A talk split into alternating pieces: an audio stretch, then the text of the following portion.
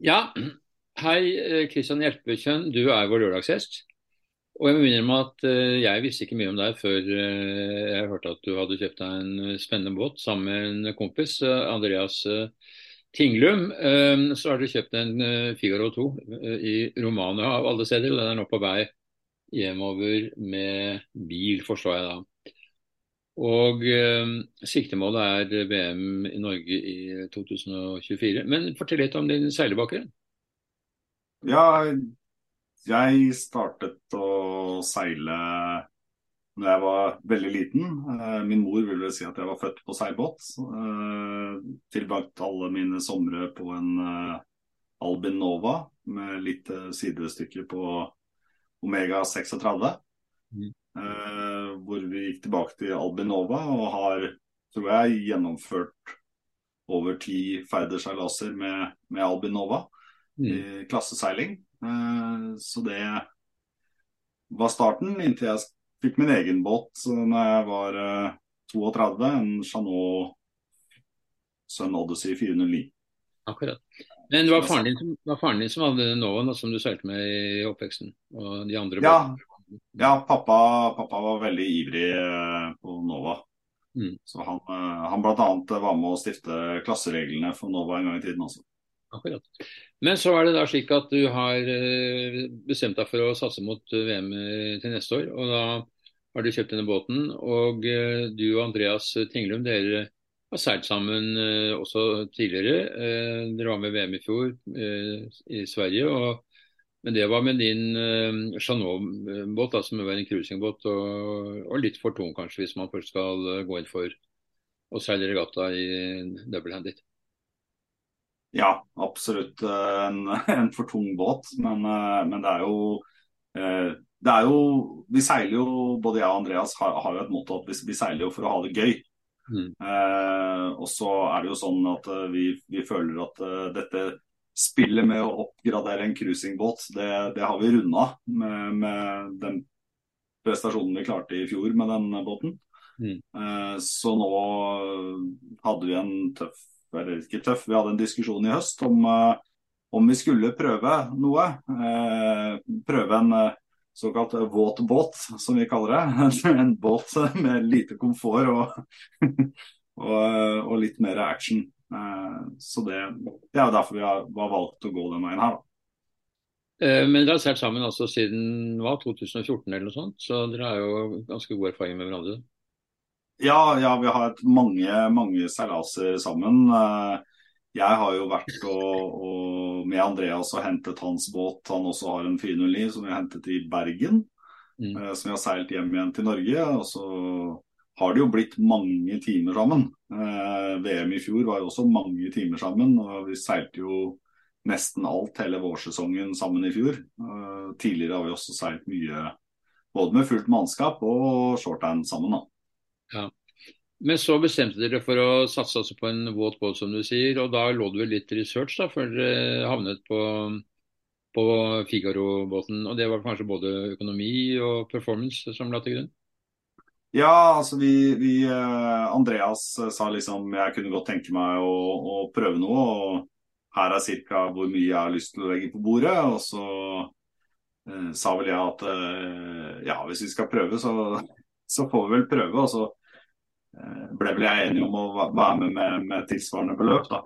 Uh, og så begynte vi å se litt hva, hva fins der ute i markedet. Vi kikka litt på Nofar 30, vi kikka litt på eh, nyere båter. Vi kikka på, på, også eldre båter. Altså hva, hva ligger i hvilken prisklasse. Og så begynte vi å se på andre faktorer, sånn som hva slags prestasjon de har hatt disse båtene. og Da kikka vi jo både på VM shorthand i fjor. Hvilke båter gjorde det hvordan i hvilke klasser der. Og vi har kikket på ja, Silverødder og Sjælland Rundt, som da i og for seg er EM i år. Og så på hvordan båtene har gjort det i de regattaene. Eh, og da ser vi jo det at eh, det er noen Figaro 2-båter som gjør det relativt bra. Uh, og de har Ja, det var vel fjerdeplass en Figaro 2 fikk på verdensmesterskapet i fjor.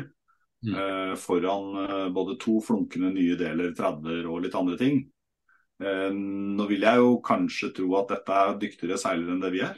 Men det håpet er at vi kan klare å få til noe mer da, med mm. dette her. Eh, men eh, ambisjonen er jo bare å ha det gøy fra vår side. Ha det gøy, og, og så tar vi resultatene som det kommer. Men det er jo et håp om at det skal gå noe bedre med et bedre verktøy. Hvordan kom dere over denne båten i Romania? Da? Det er jo et uh, litt stykke unna. Nei, det er jo, Vi søkte jo på nettet da etter båter. og Da er det jo en uh, nettside for racing yachts som er til salgs. Mm. Der ligger det alt fra Volvo VO70-båter, VO65-båter, til, til Figaro 2, til Figaro 1 og til andre ting.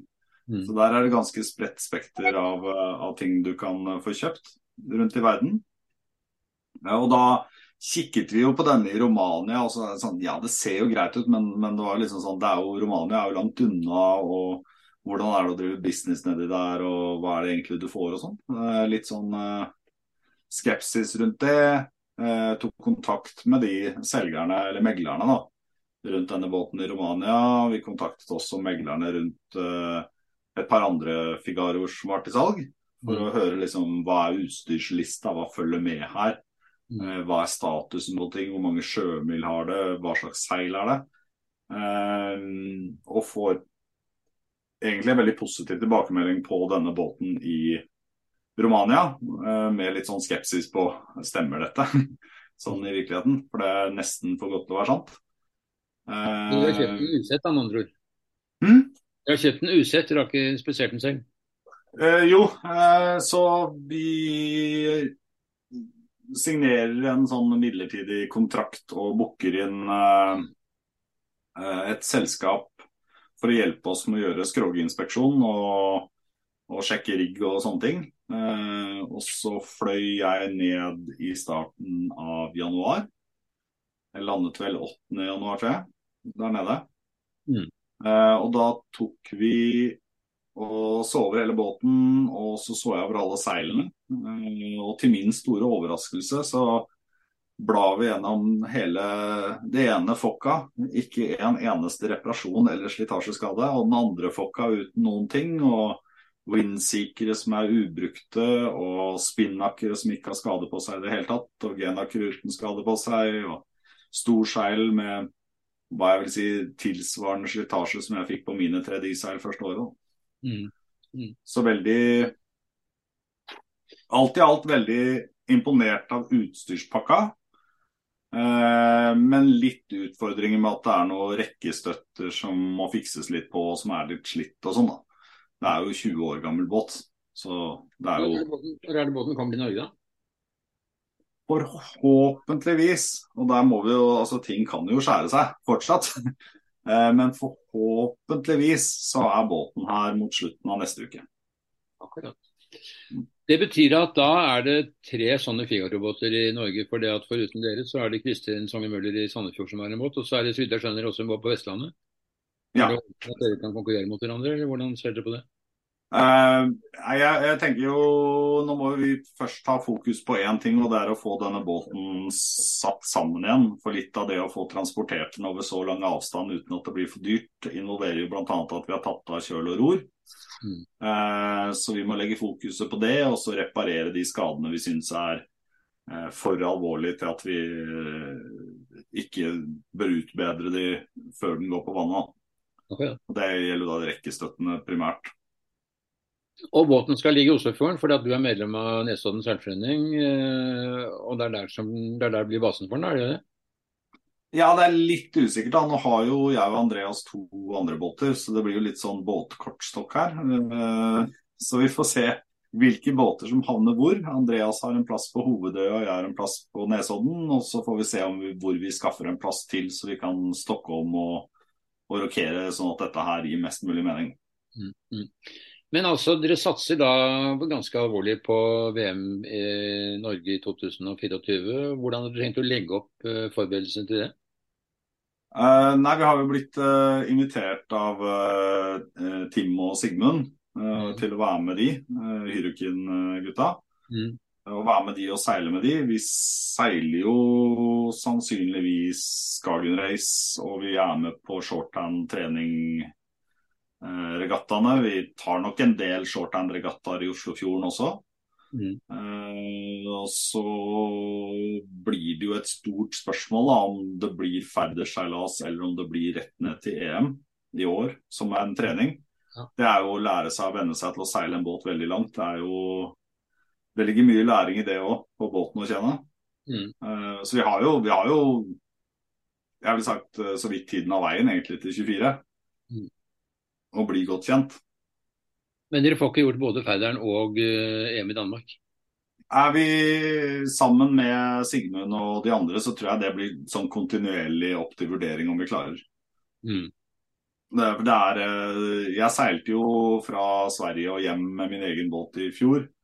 Og Helsingør-Oslo er eh, to døgn på, på, riktig forhold.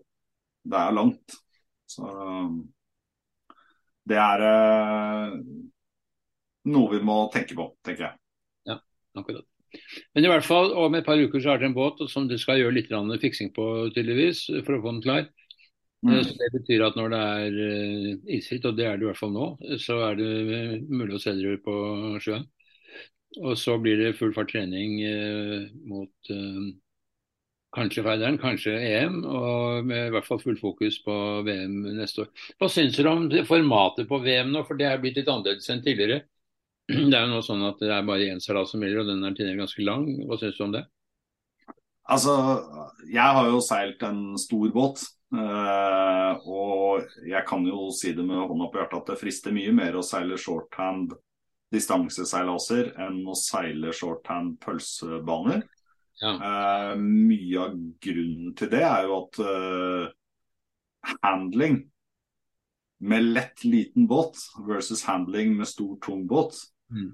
er jo totalt forskjellig. Altså Den fysiske påkjenningen å håndtere bare utstyret er jo mm. totalt forskjellig. Så kan man jo si at hva man vil om, om ratingsystem og sånne ting, men det å å flippe opp og ned pølsebaner shorthand, det, det høres for meg ut som en uh, kostnadsfylt både fysisk og, og materialmessig affære som egentlig ikke gir veldig mye.